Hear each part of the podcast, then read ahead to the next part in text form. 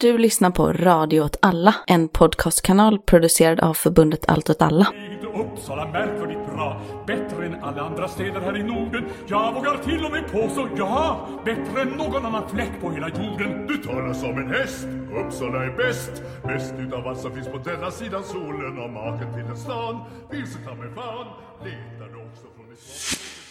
Hej och välkomna till ännu ett avsnitt av What's Uppsala. Eh, vi är alltså en eh, lokalradiopodd som pratar om lokalpolitik ur ett vänsterperspektiv. Eh, jag heter David och med mig har jag Hanna, hej. Ja, det här kommer bli ett lite annorlunda avsnitt än vanligt. Det är lite semester och så, lite nyhetstorka. Vi Så- tror att Martin är iväg och seglar, vi vet inte riktigt var han är just nu. precis.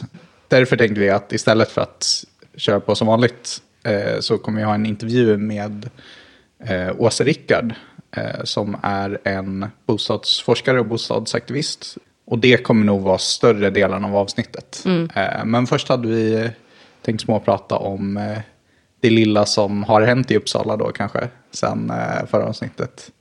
Ja, det händer ju inte så jättemycket i Uppsala under sommaren för att större delen av befolkningen reser iväg antingen till sommarstugor eller hem om de är studenter. Så det är ganska lugnt här. Det är liksom lunka på. Men det enda som händer är väl egentligen Politikerna Ja. har ju också eh, ledigt i princip. Precis. Så det är inte, de tror inte själva att det är någon som lyssnar på kommunfullmäktige. Men tji fick de, för det gjorde ju du i alla fall, Precis. som vanligt. Det var en, en miljöpartist som sa, eh, inledde sin, sitt anförande med åhörare som eh, eh, kanske eller kanske inte finns, vilket var väldigt roligt. Men ja, jag, eh, jag finns, jag lyssnar på den här skiten, oroa er inte, kära KF-ledamöter. Ja, ständigt redo.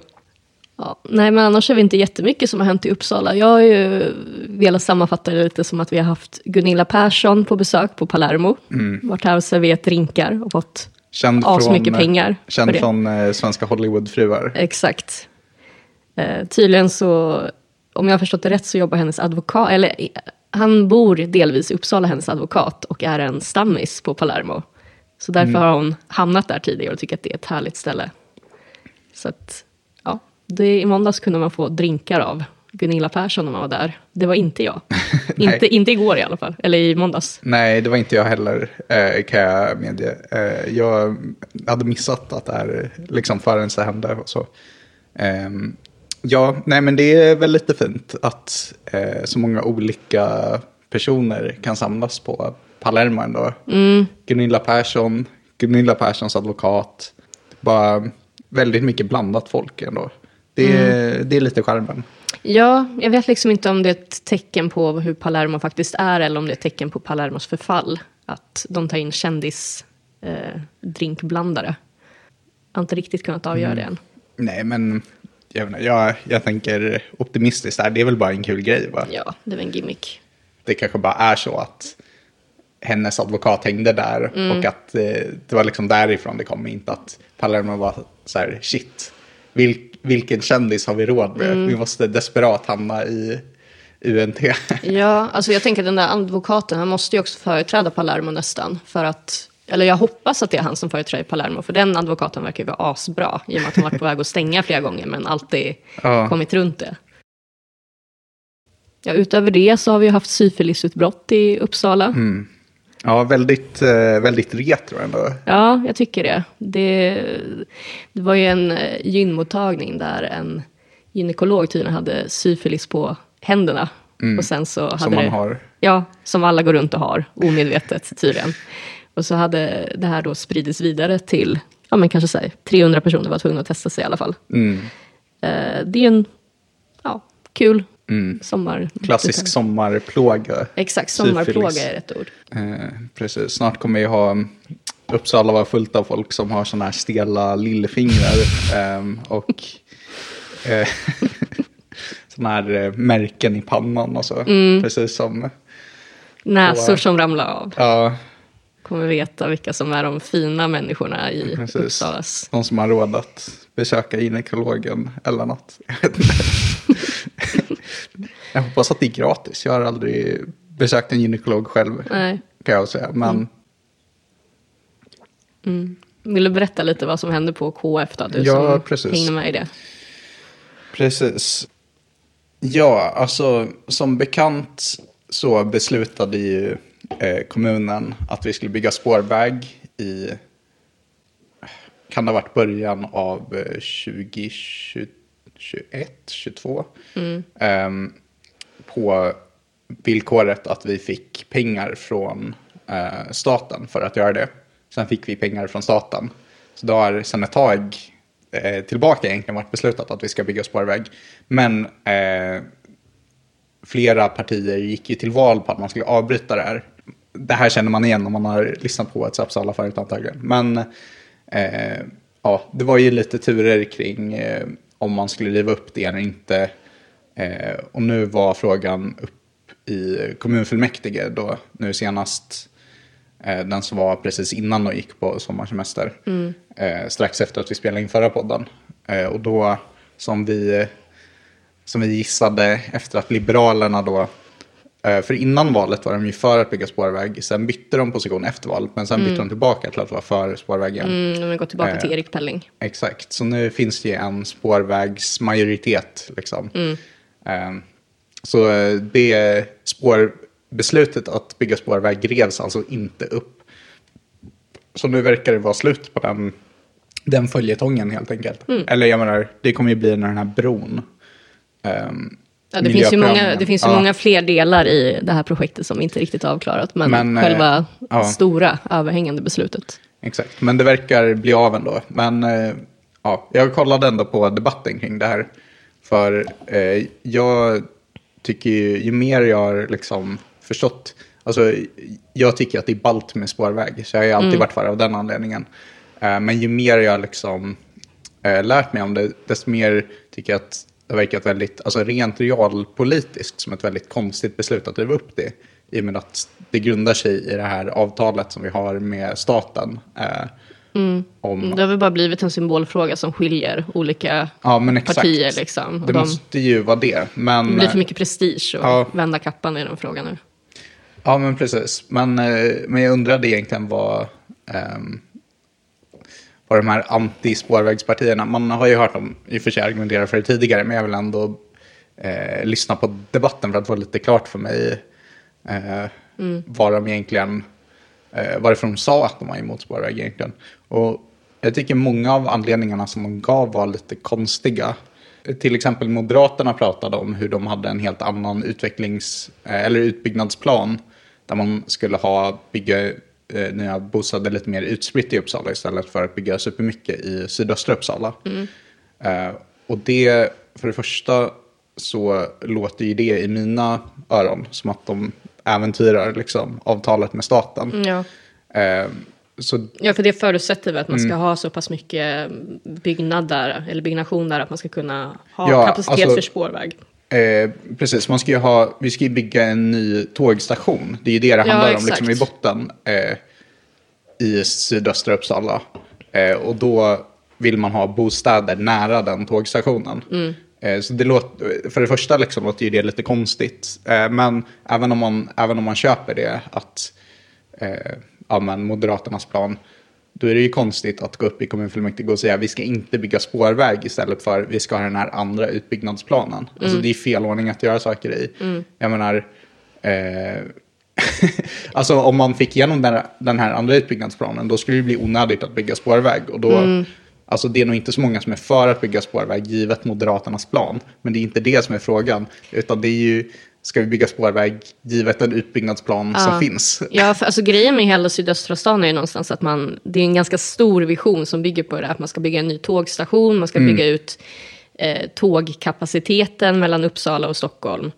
Och eh, därmed också spårväg för att det ska vara lättare att ta sig inom Uppsala, Ja. olika stadsdelar. Så att om man då väljer att placera ut de här nya bostäderna som behövs i Uppsala på massa olika ställen, då är det ju liksom, det är inte bara att man säger nej, vi ska inte bygga massa bostäder här, utan då motsäger man ju en hel sån stor framtidsvision som har byggts upp. Och då måste man ju Ja. komma med ett lite starkare alternativ. Eh, ja, men exakt. Och det är också så... eh, Jag menar, så himla fattigt när det är så många partier som är bara så här...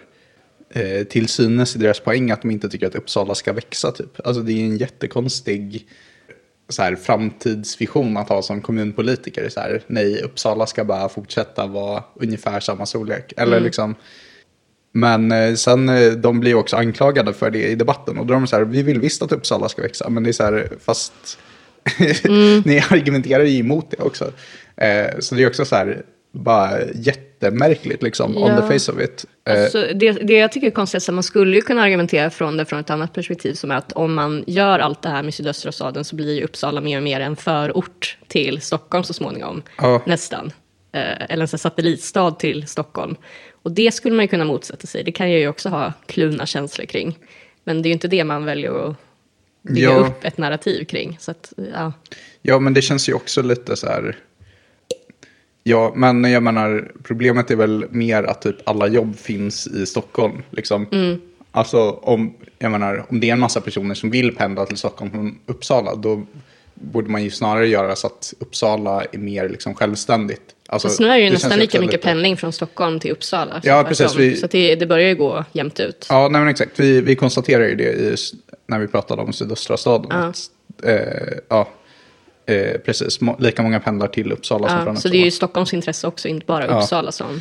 Nej, men i alla vill fall. växa. Ehm, men eh, sen en annan så här, sak som jag tyckte var intressant eh, var att det var någon centerpartist som pratade om att så här, ja, kolla, det här är en investering i staden. Det är så, här, det är så typiskt att man bara investerar i staden och inte i landet. Och det, det är också lite så här, men vi kan ju inte bara säga nej till en, alltså, Mm. det är också verkligen helt fel ända att göra saker. Eh, för mig i alla fall. Alltså, han borde ju vara så här, här är en satsning som vi borde göra i landsbygden. Kan vi Mm. göra den här satsningen i landsbygden? Sen kanske en konsekvens av det blir att liksom kommunen inte har tillräckligt med investeringsutrymme för att göra både det och spårvägen. Mm. Då skulle man ju kunna säga så här, nej men nu måste vi faktiskt satsa på landsbygden istället för det här spårvägsprojektet. Ja, men bygga ut mer kapacitet för kollektivtrafik från landsbygden. Eller? Ja, fast det är ju också... Okej, nu är jag inte helt säker på hur det funkar, men det är väl också mer upp till regionen. regionen. Ja, Jo, det är klart. Det är klart. Eh, så jag menar, eh, ja, igen bara så här, eh, liksom, man har gjort, ja men som du säger, alltså spårväg har liksom blivit en symbolfråga.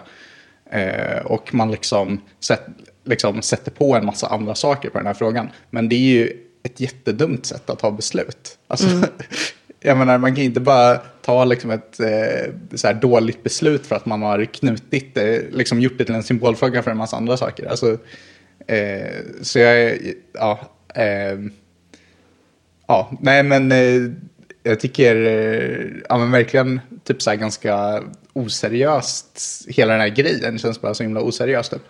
Sen, eh, alltså jag tror det starkaste argumentet ändå är eh, om jag ska vara lite rättvis från antispårvägssidan liksom är att eh, kostnaderna skulle kunna skena. Eh, och det, jag skulle väl inte vara jätteförvånad om det blir dyrare än planerat.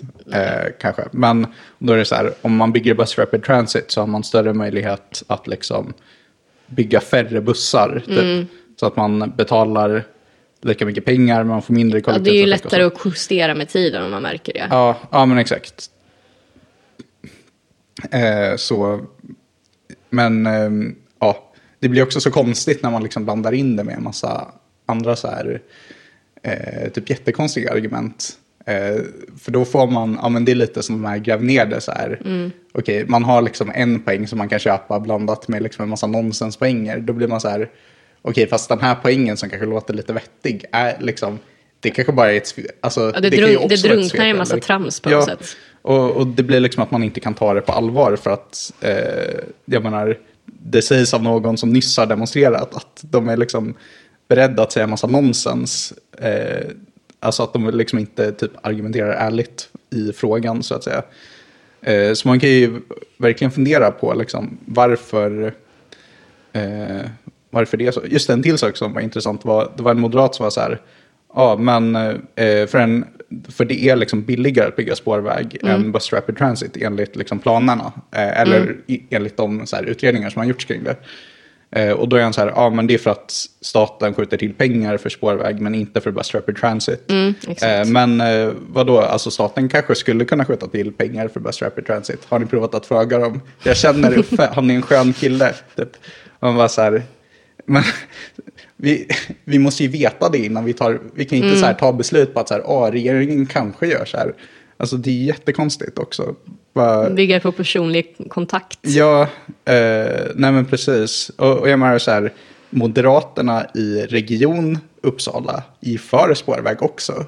Så det är inte alls säkert att det är så här Moderaterna liksom, eh, utanför Uppsala kommun ens tycker att spårväg är dåligt. Jag menar, Det känns som man börjar närma sig farligt mycket av någon så här korrupt maffiasamhälle om man ska börja lita på att säga, jag har kontakt med Mm. Uffe, så han är en skön kille. Vi kan säkert få igenom det här om vi bara frågar snällt. ja alltså det var inte riktigt så han sa. Nej, Jag- jag fattar, jag fattar det. Men, ändå. eh, men det var ändå så här, ja, det är vårt pa- parti som styr eh, och de håller säkert med oss om det här. Eh, och jag är verkligen inte säker på att det är så det funkar. Typ. Nej, men jag, jag funderar på om det är liksom många av högerpartierna ser typ så här olika så här galningar som härjar i typ P4 Upplands kommentarsfält om spårväg som sin bas på något sätt. Att de måste liksom, precis de här personerna är liksom en mer drivande kraft i politiken. Åtminstone liksom på eh, på högersidan än så här, vad som är typ ett rimligt beslut när det kommer till infrastruktur. ja, Alltså, de för det- den högljudde mannen i kommentarsfältets talan. Ja, Eh, det är verkligen jättefascinerande. Eh, och jag menar, de personerna i kommentarsfältet, eh, de är ju verkligen helt brända i huvudet, eh, kan man ganska snabbt konstatera. Eller jag menar, det, det behöver ju inte betyda att de har fel, men det är lite så här, eh, om det nu bokstavligt talat är folk i så här, Facebook-kommentarsfält, eh, jag menar, de har ju ingen aning om vad de pratar om. Sen kanske de råkar ha rätt ändå. Jag tror inte att de har det. Men liksom, eh, det är jättekonstigt om jag, menar, om jag har rätt i den eh, misstanken. Ehm, att det, det är det som eh, liksom driver politik. Men jag tänker att det kanske också kan vara så på en lokal nivå. Att det är Mm. men liksom, de krigar på. Ja, nej men här, det är liksom så få personer som är investerade i lokalpolitik att det egentligen är ganska lätt att bli liksom en viktig politisk kraft. Så. Eh, men eh, jag har också funderat på lite varför folk, eh, ja men alltså inte politiker utan ja, till exempel jag menar, medelålders människor på Facebook och så är emot spårväg. Eh, och jag tror det har lite med en grej som jag pratade om i budgetavsnittet som vi gjorde i höstas som jag refererat till ganska många gånger tycker jag. Men, eh, och det är det här med driftsbudget och investeringsbudget. Eh, för det verkar vara, alltså också många i, som argumenterar i kommunfullmäktige som inte verkar fatta det. Eh, men eh, alltså, eh, om jag ska försöka förklara det igen lite kort, eh, som det funkar. Eh, alltså kommunen har ganska många finansiella regler som de måste förhålla sig till. Eh, så bara för att de har så här, eh, ja, men, likvida pengar som de kan spendera på något så får de inte göra det hur som helst. Utan eh, när det kommer till så löpande kostnader, och då har vi till exempel skola. Många säger så här, "Ma- man borde satsa på skola istället för spårväg. Men skola, det är liksom en driftskostnad. Eh, och den går in i driftsbudgeten. Och driftsbudgeten måste liksom vara i balans. Eh, man kan inte ha större driftsutgifter än vad man har intäkter i flera år som kommun. Det finns lite regler, lite så här, olika specialfall kring det. Men det är den generella regeln. Liksom. Eh, men sen har vi också så investeringsbudgeten. För grejen är om kommunen har pengar, eh, alltså man brukar inte ha de pengarna sittande på ett bankkonto, utan man brukar investera de här grejerna. Eh, så det är egentligen inte en utgift, utan att man förvandlar liksom eh, pengar som ligger på ett bankkonto till så här, till exempel en fastighet. Eh, och, och det är så spår, finansieringen av spårvägen funkar. Eh, alltså, eh, det är ett, rent finansiellt, när man bygger spårvägen, det finns vissa kostnader som på olika sätt, alltså det har inte noll påverkan på driftsbudgeten, men det allra mesta är investeringspengar. Eh, så det är alltså pengar som man ändå inte kan använda på skolan. Eh, på grund av så här, reglerna. Eh, och det är för att Ja, men det är avsatt för Eh. olika typer av syften. Nej, inte riktigt. Utan Nej, okej. grejen är så här. Eh, jag menar, om man, eh, om man lägger pengar på så här löpande utgifter som skolan. Då försvinner de pengarna. Men om man köper till exempel ett hus för dem, Ja. då har man ju ett hus som är kvar sen. Ja. Som man potentiellt kan sälja till exempel eller så. Och så är det med spårväg också. Alltså man kanske inte kan sälja en spårväg i och för sig. Men eh, rent bokföringsmässigt eh, så räknas det som vi äger en spårväg och den är värd så här mycket pengar. Eh, så man har ju inte förlorat pengar bokföringsmässigt för att man bygger en spårväg. Utan man har bara förvandlat dem från liksom, eh, likvida medel, alltså pengar på ett bankkonto, till pengar som är investerade i någonting. Så när man pratar om att så här, investera i barnens framtid, rent bokföringsmässigt, så är det inte en investering, det är en engångsutgift. Eh, och det här är ju naturligtvis, eh, som sagt, alltså, eh, från kommunfullmäktige så får man ju intrycket att eh, det är många eh, som antingen liksom, som sitter i kommunfullmäktige som antingen inte fattar det här eh, eller som låtsas som att de inte fattar det. Eh, och det är ju lite oroväckande. Men det är inte så konstigt att typ så här random folk som kanske kommenterar lite i P4 Upplands kommentarsfält inte fattar det. Nej. Eh, alltså det är ju antagligen ganska få, alltså en, en minoritet av Uppsalabor som har någon som helst koll på det här. Eh, så det är också så här, man har ju kanske den här erfarenheten av så här nedskärning på skola i liksom flera decennier, eh, år efter år. Eh, och sen är det så här, ja, och nu ska man lägga massa pengar på att bygga en spårväg. Ja, och då är man det är bara klart här, man blir lack då. Ja, inte... exakt. Det är jättekonstigt. Eh, så, så jag tror det är lite det det kommer ifrån. Och jag menar, jag håller med, det är jättekonstigt. Alltså, jag tycker inte vi borde ha... Eh, jag menar, jag, jag tycker att reglerna på kommunens... Eh, alltså budgetreglerna för kommunen är för hårda helt enkelt. Jag tycker att man borde ha mer möjlighet att eh, till exempel satsa på skolan eller något, även om det inte går jämnt ut på det sättet. Liksom. Eh, och jag tycker också att så här, sättet som kommuner finansieras överhuvudtaget borde ändras på. Eh, och jag menar, eh, alltså det är ganska uppenbart att vi som samhälle har tillräckligt mer resurser för att ha typ en fungerande skola. Och kanske också en spårväg. Eh, och kanske så här ännu fler balla grejer. Eh, och jag menar, det är därför jag tycker att vi borde ha samhällets resurser under demokratisk kontroll. Eller allt åt alla. Ehm, så eh, det är väl lite så här min, vad ska man säga, min så lite större lösning på det här då. Det här är Davids Ja. manifest. Exakt, men jag menar, eh, det är ju klart att sättet kommuner fungerar är så Mm. konstigt och dumt. Men eh, det är ju inte en bra anledning att vara emot spårväg, Nej. vill jag ändå Men understryka. jag tänker vi kanske ska börja med att föreslå att eh, hela K- KF liksom får gå igenom någon typ av workshop om investeringsbudget i början av terminen. Så att man åtminstone får koll på de här sakerna till att börja med. Ja, precis. Alltså, För att det, om man har ett system måste man ju åtminstone kunna jobba utifrån det. ja, Eller så får vi bara riva upp det. Men eh, ja, exakt. Alltså, det är lite pinsamt ändå eh, när folk i kommunfullmäktige eller i regionfullmäktige, det var, folk gjorde samma tabbe där. Mm. Då blev de åtminstone called out, vilket var skönt.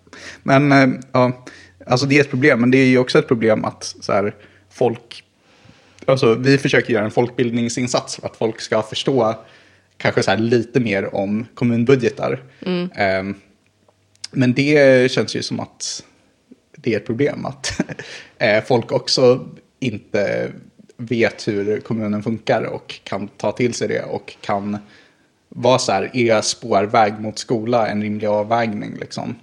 Eh, för det, ja, nu är det ju inte så det funkar liksom idag, liksom tyvärr. Det, ja, ehm, så det, det känns ju också som att så här, eh, ja, jag menar om man ska ha någon slags så här, demokrati till exempel så måste man ju kunna vad fan det är som vi händer. kan tänka på både barnen och Ja. kollektivtrafiken. Ja, exakt. Ja. Ja, nej men eh, rant over. Jag, det var det jag hade att säga om spårväg tror jag. Och det blir väl det sista vi har att säga om spårväg på ett tag, hoppas jag nästan. Men eh, det kommer nog komma tillbaka förr eller senare. Ja, ja, nu kommer vi inte få någon rolig folkomröstning om det, Nej. tyvärr. Men Ja, ja. you win some, you lose some. ja, ja, spårvägen blir av i alla fall. Ja, hurra. Hurra. Men jag tänker, nu har vi pratat väldigt mycket också om ett område som man vill satsa väldigt mycket på som inte är byggt än. Men sen finns det också bostadsområden där folk inte riktigt blir satsade på på samma sätt. Som vi också pratar om med Åse. Så jag tänker, ska vi köra en övergång till? Ja, vi gör det. Så intressant. Ja, välkomna till intervjudelen av avsnittet. Vi har mig, Hanna och också eh, vår, vårt intervjuobjekt eh, Åsa Rickard. Eh, vän till eh, lokalgruppen. Eh, du kanske vill eh, presentera dig själv lite? Ja, tack för att jag har fått komma hit. Tack för att ni frågar. Jättekul. Ja, tack för att du vill vara med. Ja, Ja. kul att du är här. Ja. Ja, nej, men, jag heter Åse Rickard och är, ja, jag är doktorand på Institutet för bostadsforskning. Eh, där jag skriver om, jag är kulturgeograf och eh, skriver om hyresgästers situation kan man säga i Sverige utifrån eh, Ja, främst utifrån de här renovräkningarna som, som pågår. Alltså hyresgäster som måste flytta för att det i sin tur bo kvar. Så att det är runt det hela mitt liv kretsar just nu. ja, det är jag.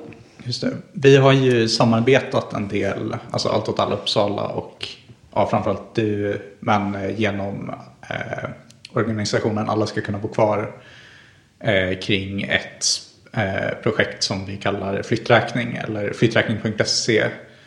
Eh, jag är lite osäker på om jag har nämnt det i den här podden. Jag har nämnt det i eh, den här nyårspodden där jag blev intervjuad av Kalle för de som har lyssnat på den. Men eh, eh, Eh, vi kan ju lite kort förklara vad det går ut på också. Eh, ja, du kanske vill berätta? Ja, men visst. Jag är ju också eh, med sedan länge i den här föreningen Alla ska kunna bo kvar. Eh, och det var ju när jag träffade er då, från Allt, och alla, Allt åt alla som vi bestämde för att ha det här projektet. Som heter eh, flytträkning.se. Och det är ju för att eh, ja, det är så många hyresgäster idag som får orimligt höga räkningar när de flyttar. Eh, alltså vi har ju hört folk som har fått upp till 50 000 kronor. Oj. Och det, i vissa fall så är det, alltså tolkningen av lagen är lite sisådär. Det finns en gråzon här. Där eh, hyresgäster som känner till sina rättigheter och överklagar de här räkningarna i flera fall faktiskt slipper betala. Men å andra sidan, med tanke på hur eh, marginaliserade hyresgäster är idag så är det många som bara blir skiträdda. Och eh, ja, på olika sätt försöker då skrapa ihop pengar och betala de här liksom, istället för att ifrågasätta. Och vi har också sett att det eh, hamnar mycket såna här flytträkningar hos Kronofogden och, och sådär. Så då har vi det projektet där vi informerar om vilka rättigheter man faktiskt har och eh, har även konkret liksom, givit stöd åt Ja, hyresgäster. hur man kan bestrida det. Mm, hur man bestrider en hyresrätt. Precis, för eh, ja, men som du säger, det är lite luddigt vad som står i lagen. Men eh, det står ju till exempel att man har rätt till normalt slitage. Liksom. Eh, och du kanske får rätta mig nu, men det är väl egentligen bara om eh, hyresvärden an, måste anlita en städfirma till exempel. Så att de kan ta betalt för städning. Eh, men eh, det vi har sett är ju att de skickar räkningar till många som kanske har normalt slitage. Eller att de kanske tar en räkning för att anlita en städfirma och sen aldrig anlitar en städfirma. Eh, och det, vad ska man säga, de har ju inte så mycket att förlora på om de är lite osäkra. Så här, Är det här normalt slitage så har de ju inget att förlora på att skicka räkningen ändå.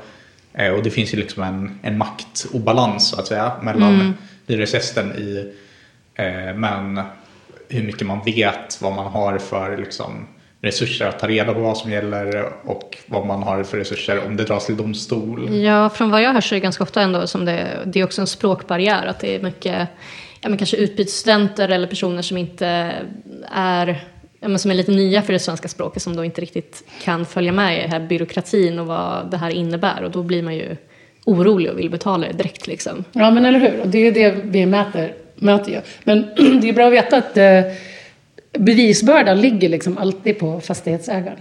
Så att eh, det, bara genom att skicka ett mail och säga så här, jag bestrider, så måste fastighetsägaren bevisa.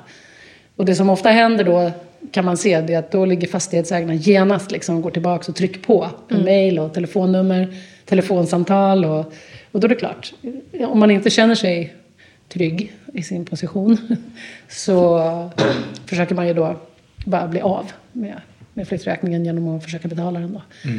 Men i många fall som vi ju har följt nu så har ju folk bestridit och, eh, och liksom sluppit sina räkningar. kan man se på hemsidan flytträkning.se. Ja. Finns det sådana exempel. Precis, vi har ju gjort hemsidan för att det ska vara en resurs som är lätt att använda. Eh, Så det är ju bra att tänka på när man ska flytta eller om man känner någon som ska flytta. Det är också bra att tänka på när man flyttar in. Att man kan veta vilka skador som finns där när man flyttar in så att man slipper betala för skador som redan fanns där. Eh, också så här, eh, men eh, framförallt är det ju en resurs här. Hur ska jag göra om jag får en sån här orättvis flytträkning? Det är, bra, det är en bra grej tycker jag, flytträkning.se. Jag tänker ifall det är någon som är intresserad av att haka på så finns det väldigt mycket att göra. Alltså, det är egentligen dela ut flygblad, snacka med folk, sätta upp klisterlappar, liksom vara med på möten. Och, Mm. Det går att göra i många andra delar, förutom i Uppsala också. Ja, precis. Det har varit väldigt eh, givande tycker jag att gå när vi varit med på olika föreningsmöten. Så här, då är det ju många som berättar om egna erfarenheter av det här. Och som så här, aha, okej, kan man göra så här? Så, så det, mm. det finns många möjligheter att göra saker konkret. Ja, men eh, det var ju egentligen inte det, även om det är bra att informera så många som möjligt om det här, eh, det vi hade tänkt prata om. Utan vi hade ju tänkt prata om de här borrningarna efter eh, bergvärme som pågår just nu i Uppsala. Vill du, vill du berätta lite? Gruvdriften Ja. som en besökande forskare sa. Uppsalas nya gruvdrift i Gränby. När vi hade gästforskare på besök där i Gränby. Okej, jag bor ju där. Och typ utanför min dörr och mina grannars dörr. Eh, I slutet på maj så rullade det in några stora maskiner och lastbilar. Och eh, vi hade inte fått information, i alla fall inte på ett sätt så att någon hade förstått vad det var som var på gång. Det som är på gång nu, under hela sommaren eh, och faktiskt fram till eh, oktober 2024. Det är att det ska borras efter bergvärme i eh, Rikshems bostadsområde i Gränby. Mm. Det är Sveriges största projekt när det kommer till bergvärme. Ever. De ska borra 232 hål som är mer än 300 meter djupa. Oj. Eh, och det då, ja, konkret kan man säga då, just nu borrar man på egentligen den tidigare mest populära grönytan. Det fanns en lekplats och lite träd och sådär. Den kan man inte använda i sommar. Det är helt inringat liksom. Eh, man borrar då eh, från sju på morgonen till sju på kvällen, fem dagar i veckan. Från i slutet på maj och nu är det typ två veckor kvar. På den här delen. Sen är det tre delar Ja, till. så, så hela sommaren just nu. Ja men precis, så precis just där, där jag då råkar bo där eh, är det snart klart men sen kommer det ju här till tre områden till då i Gränby. Så eh, det är ett enormt stort ingrepp i boendes vardag. Och eh, det skedde då helt utan, jag ska säga helt utan kommunikation. Den, vi fick ett informationsmail eh, ja, någon vecka innan. Men det drunknade i all annan information som kom. Så att, Just det, de hade ju också mejlat ungefär samtidigt om eh, typ en tävling om den snyggaste balkongen. Eller vad det var. Så det, Det lika viktig information. ja, Väldigt olika nivå. På, det var också så här, nu har vi bytt färg på vår logga till lila.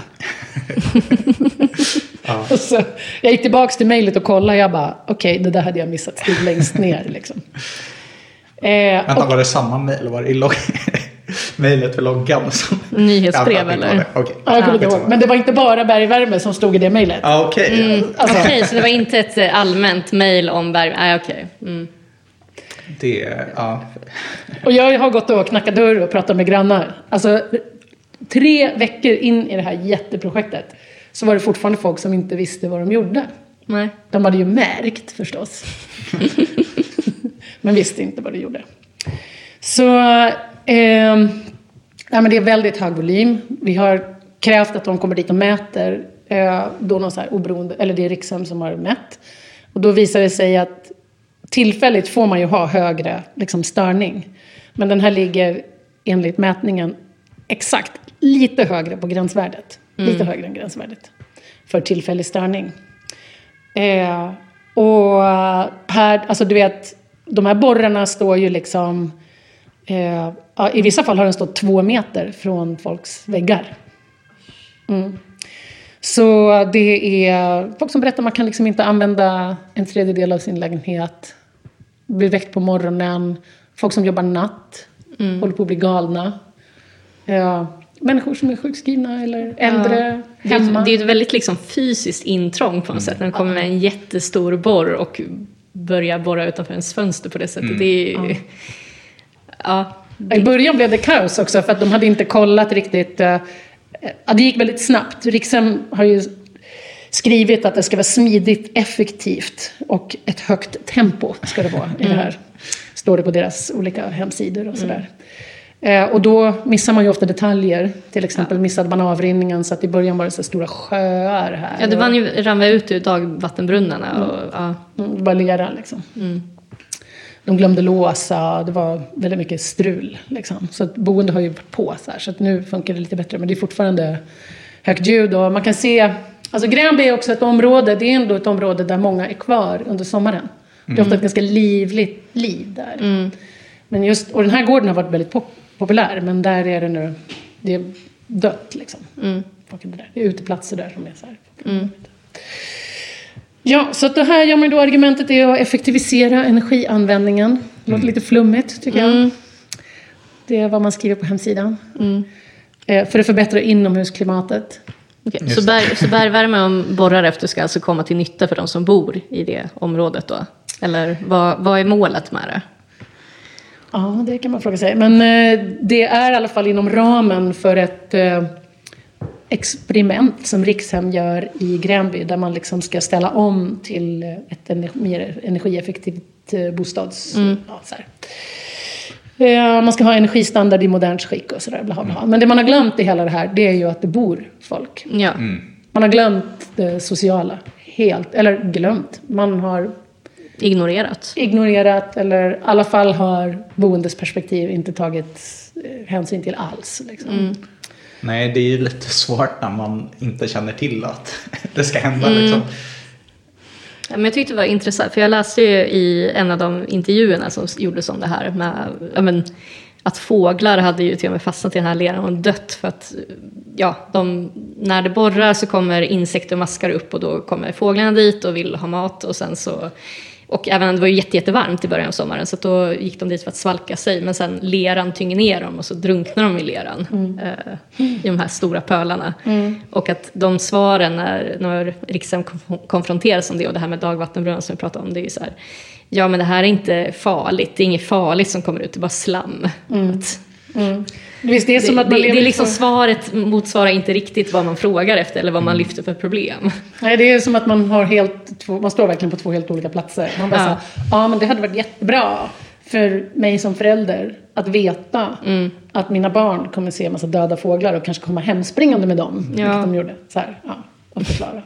Men vi skjuter er inte i alla fall. Nej, eller hur? Det, vi har inte aktivt... Ja, eller, Det är inga miljögifter som har ihjäl dem. Men det är också ehm, så här, det är också farligt med höga nivåer av buller. Eh, Mm. Jag googlade på det här innan och det eh, man uppskattar 1200 personer per år som dör i förtid. Ja, men ljudföroreningar buller, är liksom. ju en Ja. grej. Eh, Och då är det ju framförallt för att man bor typ så här för nära en motorväg. Men det här är ju också mycket högre ljud än en motorväg. Ja. Alltså, Två meter utanför ens fönster. ja, precis. Perfekt. Liksom, väggarna vibrerar.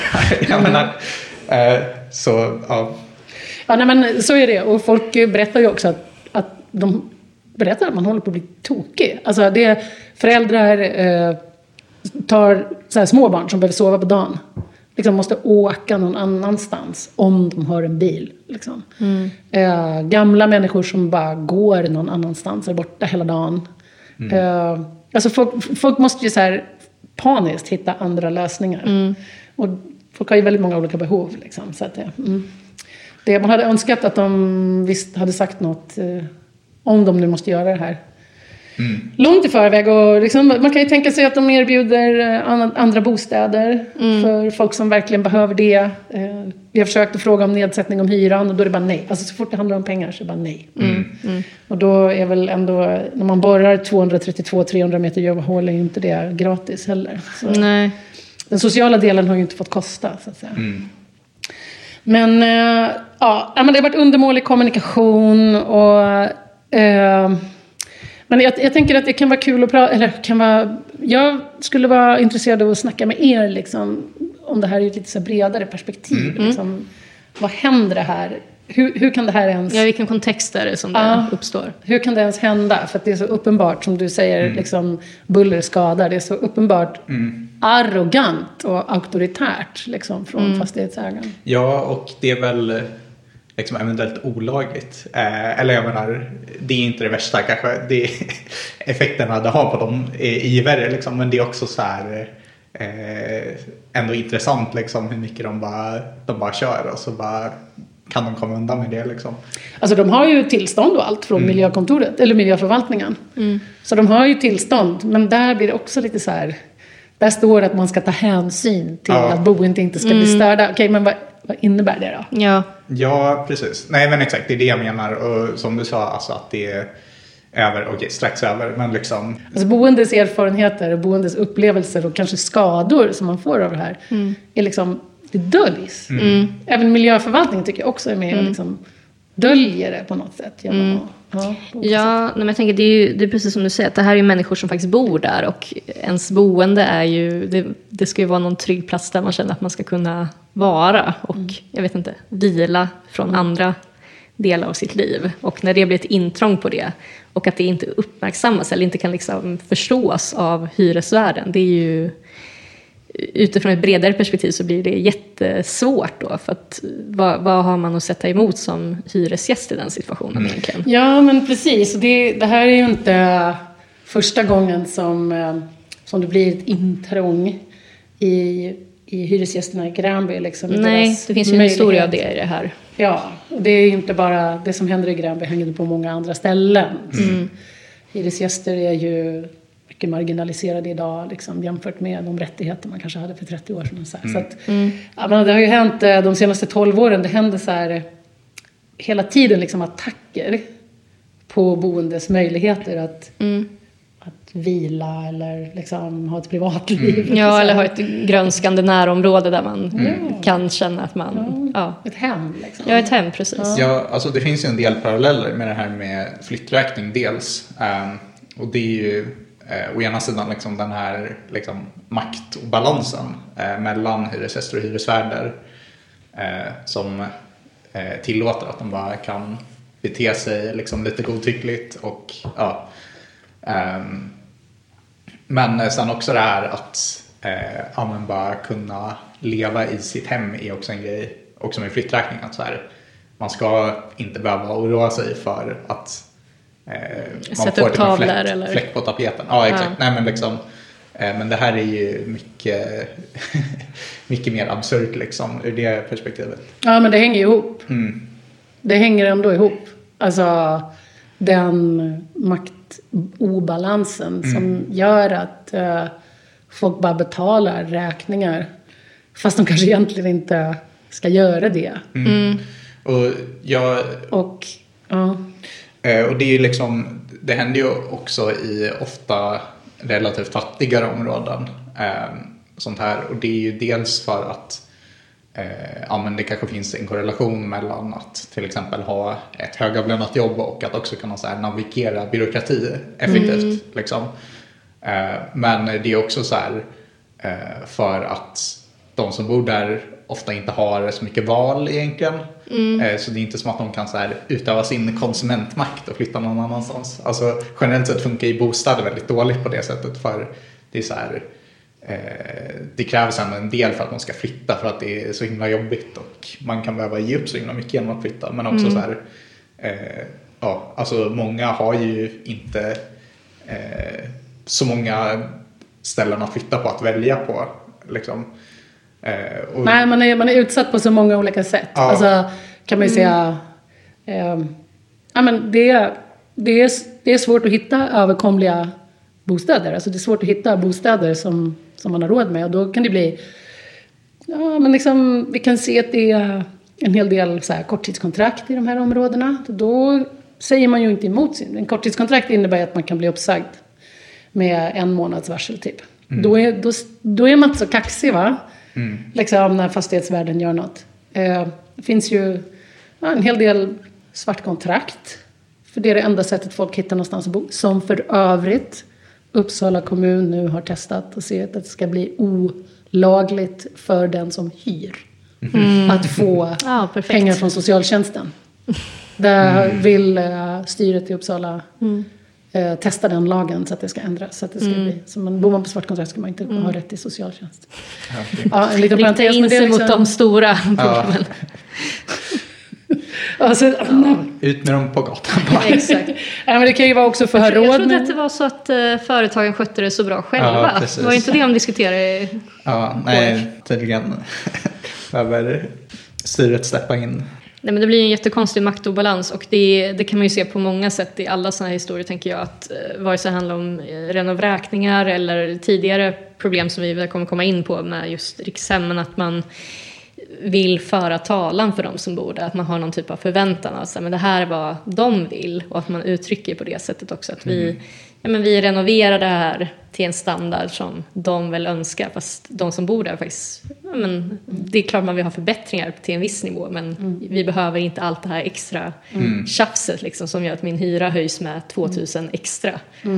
Men Ja, men det, verkligen. Det är så här, vad som är viktigt för boende eh, är inte samma sak som vad som är viktigt för fastighetsägarna. Och här har de många möjligheter att liksom tysta hyresgäster. Liksom. precis. Men om man bara lite snabbt ska dra eh, vad som har hänt i Gränby just eh, och faktiskt på många andra ställen eh, de senaste 12 åren. Så är rent konkret på plats. Det är ju dels att eh, 2010, 2010 så började man med de här renovräkningarna då. Som innebar att många flyttade och det var mycket omflyttningar i området. Det var väldigt rörigt liksom. Höll på i sex år. Eh, och i den processen så förstördes liksom utemiljön. Och där, där, där helt bara, eh, tog man också bort 250 ungefär uteplatser. Alltså folk som har blommor och fint så bara blev det bara jord. Så. Eh, vilket var ganska traumatiskt för en hel del personer som jag intervjuat faktiskt. Ja. alltså, Jag förstår, det är lite så här, Ja. eh, för övrigt anser att Kartago börjar förstöras. Nu går vi och saltar jorden så att ingenting ska växa på nytt. Känsla. exakt. Så, så här har jag jobbat i 30 år på att jobba upp min... Eh, men nu kommer de att Ja. förstöra. Ja, Mm. Helt fina äppelträd och de... Ja. Ja, verkligen. Salt på jorden. Ja, men efter det så, eh, så körde ju Rikshem då ett projekt som de kallar för nollställning. Vilket är ett oerhört ord att Det är använda ett absurt namn för det. på en plats. I konkret så innebar det att de tog bort 180 träd. Och jag tror uppåt 15-16 lekplatser. Och lämnade innergårdarna helt så här tomma. På många platser, inte överallt. Folk eh, gjorde motstånd och sa ifrån så att på en del ställen finns träd och buskar kvar. Och det här är ju ingenting som händer bara, den här nollställningen. Alltså jag har inte hört något annat bolag som har varit så, så blant att de har nämnt en nollställning. Men alltså det här att eh, grönområden tas bort i hyres, där hyresrätterna finns. Liksom. Det ser man ju överallt. Antingen för att man tar bort det för att det ska bli tryggt, säger man. Eh, eller för att det ska förtätas eller man gör hårdytor. Och det, jag vet inte, man tycker att man kan, de, det var ett inslag här för någon månad sedan på SVT att eh, de socialt och ekonomiskt utsatta bostadsområdena har så mycket hårda ytor nu så att de faktiskt är i snitt en eller två grader varmare. Alltså det är så Ja, här, ja, men för det är ju det som händer liksom. Det blir mindre skugga, det blir mindre dränering och... Ja. Mm, ja, men det- Man väljer att asfaltera allting så... Ja. och det är, Mer, mer utsatt för översvämningar så småningom också antagligen, liksom, Ja, om det blir precis. skyfall. Så att det är, ja. det är hårdgjorda Från ytor. Klimatanpassning så är det inte så smart. ingen- Nej, det finns ingen skugga när det är varmt. Och det finns ingen liksom, upptagning när det regnar. Så ja, då gjorde de nollställning då. Vilket ju egentligen är en teknisk term. För att nollställa ett instrument. Eller Ja. ett ekonomisk term för Ja, att det finns ju ingen mänsklig aspekt i det ordet. Nej. Ja, intressant att tänka på att så här, platser har ett så här neutraltillstånd som då är grusplan då. Eller liksom, Ja, och som, ja. vi, som vi konstaterade innan också, innan vi började podda, att eh, nollställning, det är ju inte som att de går tillbaka till noll innan det fanns bebyggelse, för det är fortfarande människor som bor där. Så att det är ju jättekonstigt ordval på det sättet. Ja, men det blir lite, jag tänker ibland eh, så tänker jag på att fastighetsägarna, ja men för att knyta till det här som du sa om hur de kommunicerar. Eh, så är det som att de, de beter sig som att de här områdena är tomma. De beter sig som att det liksom inte bor folk här. Och då menar inte jag, det är klart att de vet att det bor folk här. Men liksom att de, alltså att människor är olika, vi har olika behov. Ja, men man tänker som ett dataspel där man bara kan uppifrån bygga upp det lite. Sen nu vill vi ha ett sånt område och så gör vi om det och så påverkar det ingen i riktig skala. Lite så, som att man kommer ovanifrån och sätter små så här, Ja. här ska vi... Det är förutsägbart, liksom, som att människorna inte har en egen agens. Liksom. Ja, Men jag tycker eh, det är intressant, för de har ändå tagit upp så här, trygghet som en anledning att göra det. Eh, Och det, trygghet, liksom, vad, vad betyder det? Jo, vi vet ju alla att det betyder eh, gängkriminalitet. Liksom. Eh, så då får man förmoda att det, de tänker att om man har buskar så kommer folk stå och langa knark i buskarna. Typ, och, så. Ehm, och det är bara, eh, ja men det säger liksom en, eh, en del om hur man liksom ser på sina hyresgäster. Eh, det är väl säkert, ja men precis, alltså mycket av det här händer ju liksom i fattigare områden. Kanske större andel icke-vita hyresgäster och så. Ja. Det är också en fråga om vem som ska bevaka dem i Mm. sådana fall. Tänker jag, om, man, om man har grusplan istället och inte buskar. Är det så här, de boende som ska bevaka det eller är det Mm. Ja, någon yttre person Alltså, som har jag tänker- lättare översikt liksom, se? Ja. Jag tänker att de vill skapa liksom ett, eh, ett väldigt eh, varmt och lätt överkämmat panoptikon. Liksom. Eh, och på så sätt ska man få bort eh, all knarklangning. Man ska liksom inte kunna röra sig utomhus utan att man vet att det kanske är någon som tittar på en hela tiden. Och på så sätt ska man eh, lösa kriminaliteten. Nej men det är också så konstigt att det, det känns som att det är liksom en retorik som är väldigt mycket så här hämtad från politiken typ. Men det är också bara eh, den används liksom i ett helt annat kontext där det inte riktigt eh, betyder något. Eller så här, eh, ja. Eh, men sen också att de är så här, för de har ju också sagt att de ska bygga upp det igen och sen är det så här, varför har ni inte byggt upp det? Typ, jag tror det är en intervju med P4 och de bara, nej men det har ju varit så här eh, ligister som har vandaliserat saker så vi har inte haft råd att bygga upp för vi har lagt alla våra resurser på eh, typ att Det har lät, lät ju nästan som att de ville att de boende själva Ja. skulle återbygga det. Eller så här, Ja, eller liksom, men då är det också så här, ah shit, det är de här, det är de här krim, kriminella eh, som man igen har något svepskäl, alltså det fanns ju verkligen som ett svepskäl för att bara bete sig lite godtyckligt. Eller jag menar, jag antar väl att det är det det är, att det är något man säger till tidningarna när de bara så här, fan håller ni på med? Så bara, ja, ah, nej men ni vet de här, Ja, den vi här ville så gärna bygga upp det. Ja, men det är ju en väldigt uh, auktoritär uh, förhållningssätt. Alltså det är en auktoritär diskurs. Hela Ja. den här liksom, eh, brott och våld och vi ska ta bort buskarna för där gömmer folk. eh, där kan, vi ska skydda kvinnor och barn typ. Ja, men så det, det är ju ett väldigt auktoritärt och liksom också ett väldigt så här, tekniskt sätt att förhålla sig till, till det här. Men som, ja, alltså när jag har pratat med hyresgäster, vilket jag har gjort liksom under de här 12 åren, eh, och gjort intervjuer och sådär och pratar om, om trygghet. Då handlar ju tryggheten om något helt annat. Då är det så här, eh, ja men naturligtvis kunna bo kvar. Så här, har jag råd att betala det är ju hyran? nummer ett. ja, det är ju som grund. Men, men det är ju mer komplext än så. Det är ju också så här, ja men kommer tvättstugan funka imorgon när jag ska tvätta eftersom jag ska på arbetsintervju nästa dag? Ja, som symbol. Ni fattar vad jag menar? Att det är så här, kommer vardagen att liksom funka? Kan jag ställa min cykel här? Och, eh, och där är ju del liksom att, att kunna ha hyresgäster liksom, och folk jag pratar med berättar ju som så här att, ve, att liksom kunna ha framförhållning, kunna veta så här, Eh, kommer den här lekplatsen att vara kvar? Alltså det blir Ja. en grej när lekplatsen bara försvinner så här. Det var en hyresgäst som jag tycker uppträck, liksom, som, som uttryckte det så bra. Hon sa så här, aha, de kan ta bort träd när som helst. Och det får mig att känna mig som att de kan ta bort mig också, när som helst.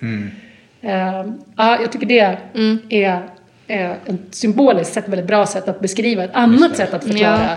liksom, den här maktojämlikheten som man nu ser nu. Liksom. Ja, och tänk, ja. Jag, jag tänker på den här dataspelsmetaforen Mm. liksom att ja, eh, ja men precis man, eh, man inser ju liksom hur ja, men att de ser på en som eh, någon slags abstrakt resurs kanske Mm. eh, som man kan eh, ja, ja men som att de sitter och spelar Sims eller Mm. något liksom. Jag tycker att det är så intressant för vi har ju pratat en del också om de här nya delarna i Uppsala som man bygger upp och där är det ju så mycket fokus på den nya typen av stadsplanering med mycket grönområden, mycket liksom sociala ytor eller ja, någon form av sociala ytor i alla fall. Och där fokuserar man kanske mer på lite mer välbärgade människor i ett annat, alltså i, från ett klassperspektiv blir det väldigt intressant tycker jag med Gränby just för att det är ju ett ganska alltså, generellt utsatt område men där det kanske har funnits mycket sociala ytor och mycket grönytor och så väljer man att ta bort det i, med argumentet trygghet. När, man, när det känns som att vi alla har väl kommit överens om att man vill bo i ett grönt område, att det är mer nice och det är mer, ger mer trygghet och samvaro för människor. Så att, det, det är konstigt att det inte ska vara trygghet för den här typen av människor plötsligt. Det är en annan typ av trygghet som man då försöker Ja. trycka ner. Exakt, och då, och då området. precis som, som du säger, liksom att man, man ser det inte som Alltså det blir mer objekt i den här atmosfären som man kan lyfta bort på samma sätt som träden medan i andra, mer de här medelklassområden som man bygger så är det kanske mer subjekt. Man funderar på vad de vill ha för att trivas där, för att de ska stanna i området. Men i de, de här områdena som Gränby så är de mer utbytbara. Eller, ja. Ja, precis. Det är som att det är tomt. Mm. Lite grann som att det är tomt. En, en, eh, jag tror att det är många olika anledningar till att de gör så här. Eh, liksom, som vi har pratat om hittills. Men de säger själva också i något program så sa de att vi vill göra så här för vi vill göra vi gör nollställning för vi vill göra det förvaltningsbart. Och det finns ju ekonomiska, jag, tror, jag, jag är inte riktigt säker på det här, jag håller på att kolla in på det, men jag tror att det är så här eh, att i bokföringen, om man liksom kan visa att man har en lägre kostnad för förvaltning, då blir bolaget värt mer. Alltså om man har mindre löpande kostnader så blir det värt mer. Okej. Jag tror att det kan vara För att en... det, det ser som mer stabilt då på något sätt? Eller vad? Ja, men jag tänker så här om du köper någonting och så säger de du kommer behöva betala 100 kronor om året för att hålla den här fräsch. Ja. Eller du kommer behöva betala 1000. Ja, Så blir det ju en skillnad i hur mycket den är värd. ja det är så. klart. Så jag håller på att kolla upp det där. Jag tror Stig Westerdahl har skrivit lite om det och några andra. Men eh, Nu, nu gissar jag bara här, men det, det skulle ju kunna vara någonting så här väldigt tekniskt. Att eh, ja, men, eh, bara sättet som man, på grund av hur man liksom, i branschen brukar redovisa saker, så får liksom att dra ner de kostnaderna någon slags här extra stor effekt på ja, hur, ja, men hur det ser ut på pappret. Liksom. Eh, så att det kanske inte är nödvändigtvis liksom, logiskt på något sånt sätt. Men att det är en tolkning av siffrorna liksom, utifrån Ja. hur man har formulerat det. Nej men exakt, att det är bara ja, eh, ja, men en konsekvens av hur man har valt att redovisa. Ja, men, eh, det är som som en om det- ekonomisk eh, liksom, orsak också. Men jag tänker det är fortfarande en klassfråga. Ja. Därför att det här kan man inte göra överallt. Utan det är ju i... Liksom, det drabbar ju en väldigt segregerad stad. Liksom, Mm. rasifierad stad. Och det är liksom det här... Man kan göra gruvdrift Mm. utan att berätta det för folk. kan man liksom inte göra överallt. Mm. Men det går att göra här uppenbarligen. Liksom. Ja men exakt, alltså eh, ja, eh, som sagt personerna som bor eh, ja, men i till exempel Gränby har ju ofta inte så mycket att välja på liksom.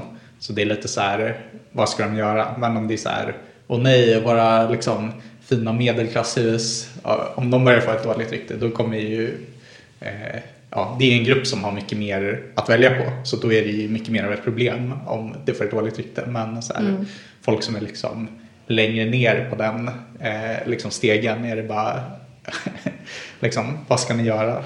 Men Jag tänker också, när vi, nu när vi pratar om maktdynamiken lite och sådär. Förra året så hade, var det ju också en ganska stor incident där med utom, uteplatserna. Som det blev mycket snack om. När de gick ut och sa att, eller ja, hotade med att vräka vissa personer för att de inte hade en uteplats som ledde upp till den standarden som förväntades. Och det var ju, ja, men jag tänker, från vad jag förstod det som så var det ju alltid från människor som, ja, men, som man gör på en uteplats, man förvarar saker där liksom. Eh, Och det sågs inte som bra. Och människor som faktiskt hade verkligen jobbat med sin uteplats och byggt upp saker och så dög inte det av olika skäl också. Men att det var väldigt godtyckligt också, så jag förstår det med vad, vad kraven var. Jo, det var verkligen kränkande brev man hade skickat ut. Och de här fotona man hade tagit, de hade man tagit i april. Hur många tomter och uteplatser är snygga i april? Jag gick runt och intervjuade hyresgäster och en del skämdes jättemycket.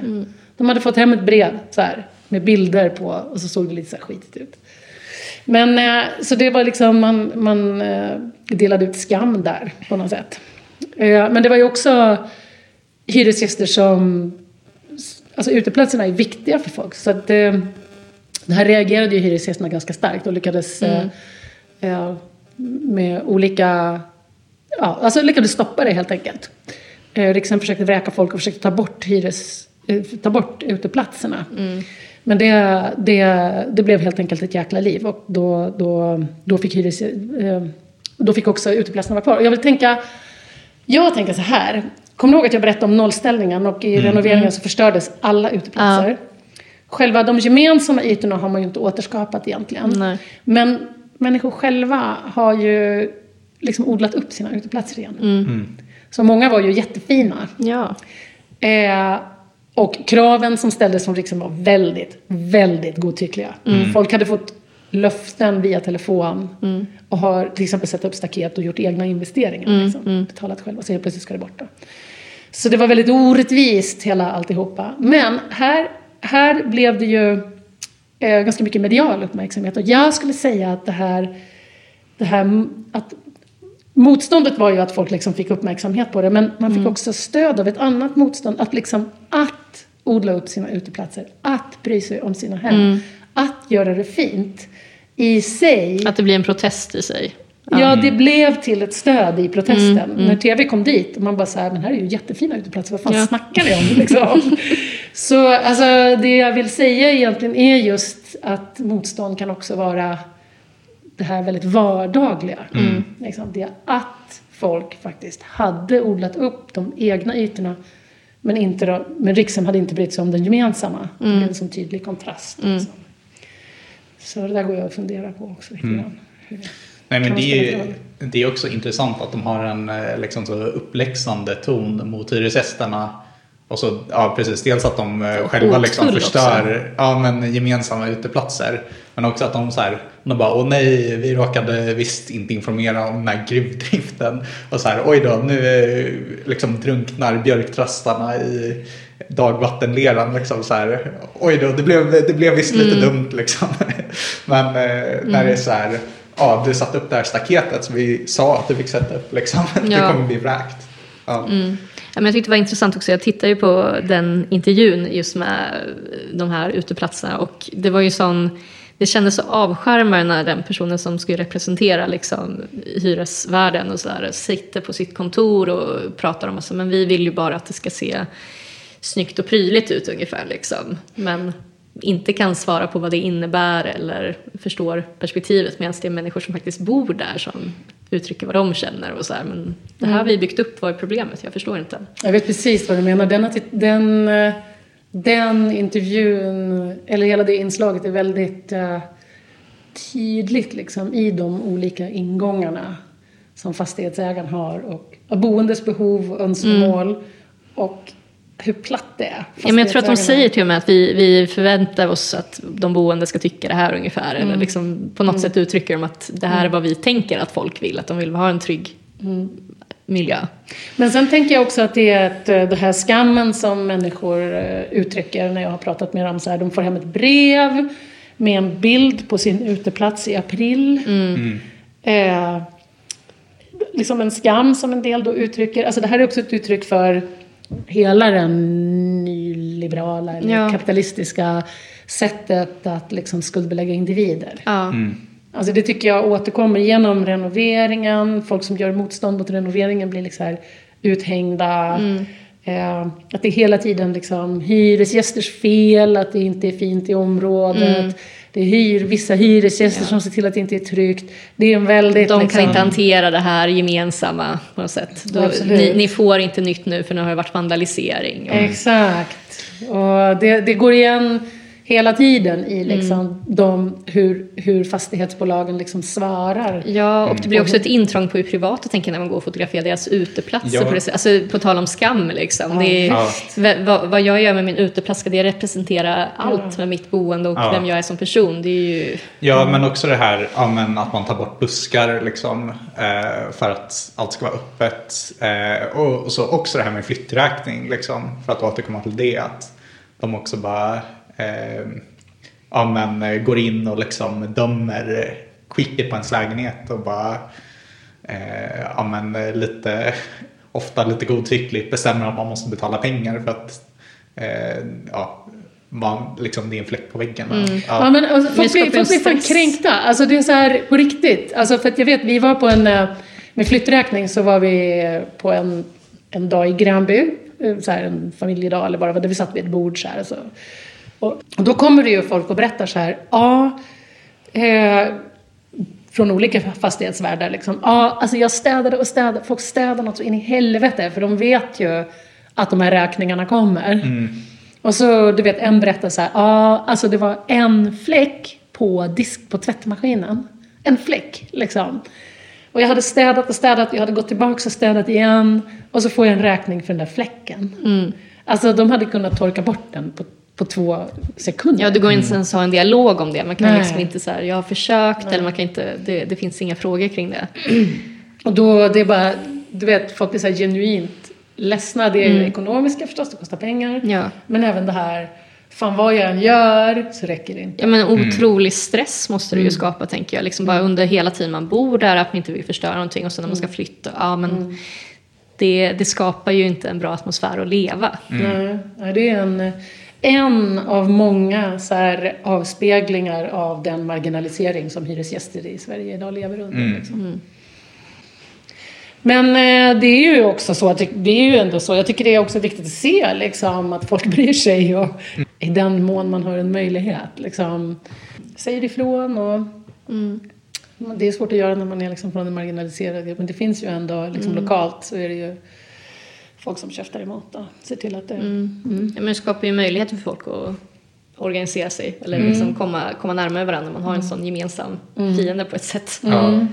Och jag tänker om det är någonting som, eh, som jag tycker ändå de senaste tio åren i alla fall visar är ju liksom de lokal, olika lokala motståndsgrupper som har bildats. Det kan vara ort till ort eller alla ska bo kvar eller allt till alla eller liksom mm. Tällstenens plangrupp eller så här. När folk så här, om man orkar, liksom, lyfter de här lokala frågorna och man liksom lyckas synliggöra de här olika krockande diskurserna. Liksom den här supernyliberala diskursen som fastighetsägarna kör och den mer så här, hallå det här är vårt hem. När man lyckas synliggöra den krocken, det är, det är ganska starkt men det är svårt. Liksom. Men det, det är ändå, det att lyfta den motsättningen, den paradoxen, är, har ju haft effekt. Liksom. Jag vågar ta sig ur den maktdynamiken på något sätt. Det är, ju, det, är ju, alltså det är ju läskigt på ett sätt att säga emot sin hyresvärd. För att det skapar ju väldigt mycket problem om man inte har den möjligheten att vinna över dem. Ja, och speciellt också om man bor på väldigt osäkra kontrakt. Ja. Räcker så kanske. Mm. Har vi några avslutande ord? Eh, Det var, det var väl en ganska bra ja. avslutning. Ja, men jag kan säga om jag får bara... Jag, om det är någon som är intresserad så... Jag gör ju stadsvandringar i Gränby. För mindre grupper. Mm. Jag har gjort det under flera år. Det är, för jag, jag tycker ändå det är viktigt att prata om de här frågorna på plats. Mm. Ja, så är man intresserad av det så kan man... Om man är en liten grupp så får man gärna höra av sig. Och det gör man hur då? Ja, hur sjutton gör man det? Dig Ska man mejla dig? Ska Ja, det kan man göra.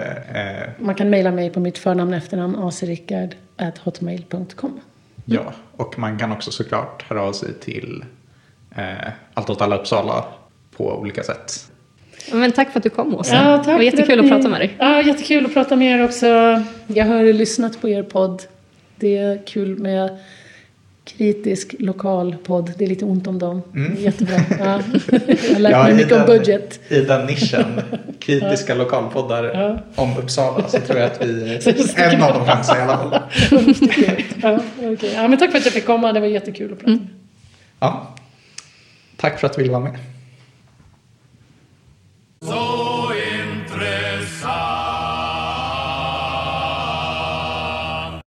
Ja, nej men det här är ju den andra sidan av att vara kvar i stan. Att man sitter i sitt hem och blir utsatt för gruvdrift med en Precis. borr två meter, meter utanför sitt fönster. Alla kan vi inte åka bort eller få syfilis eller något annat. Nej, exakt. Ja, nej, det är verkligen eh, ja, helt sjukt. Jag, jag är väldigt glad att jag inte bor där, men eh, ja, eh, jag kan inte, inte föreställa mig liksom, att ha väggarna skaka liksom, 12 timmar om dagen. Nej, nej, det är så extremt konkret ingrepp i ens egen boendemiljö där man tänker att man ska kunna vila lite grann under sommaren kanske. Men ja, det är väl vad vi har pratat om mycket tidigare liksom också, att det är, det är en extrem eh, maktobalans mellan de som, ja men i det här fallet hyresvärdarna och de boende. Mm. Ja, men verkligen. Eh, och det är också tydligt hur, hur mycket liksom hyresvärdar ja, antingen aktivt föraktar sina hyresgäster eller bara är helt oförstående för deras liv och liksom hur det de gör påverkar det. Ehm, så, ja, nej men som Åsa säger, alltså det har ju kommit upp. Eh, alltså vi i Allt åt alla försöker jobba med bostadspolitik. Dels av den anledningen. Och det, det finns ju också många andra grymma grupper som håller på med det. Eh, för det är verkligen en, eh, ja, eh, en eh, arena med väldigt mycket potential för kamp. Mm, absolut, och det är ju en fråga som funkar både på ett lokalt plan för att det är så extremt nära ens närmiljö men också i en större aspekt i hela landet. Där man ser att det här går igen på olika sätt. Så att, ja, vi fortsätter jobba med de frågorna. Ja, men jag, jag tycker intervjun blev bra. Det var också... Ja, jag är glad att vi gjorde det här som omväxling. Får se om det blir något liknande igen eller om vi bara kommer gå tillbaka till att driffa på KF och så vidare som vanligt. Man måste ha lite av varje också. Ja, Ja, men jag tänker att det kanske var allt vi har den här gången. Mm. Så får du ta lite semester nu. ja, gud vad skönt det ska bli. Ja, glad sommar alla. Ja.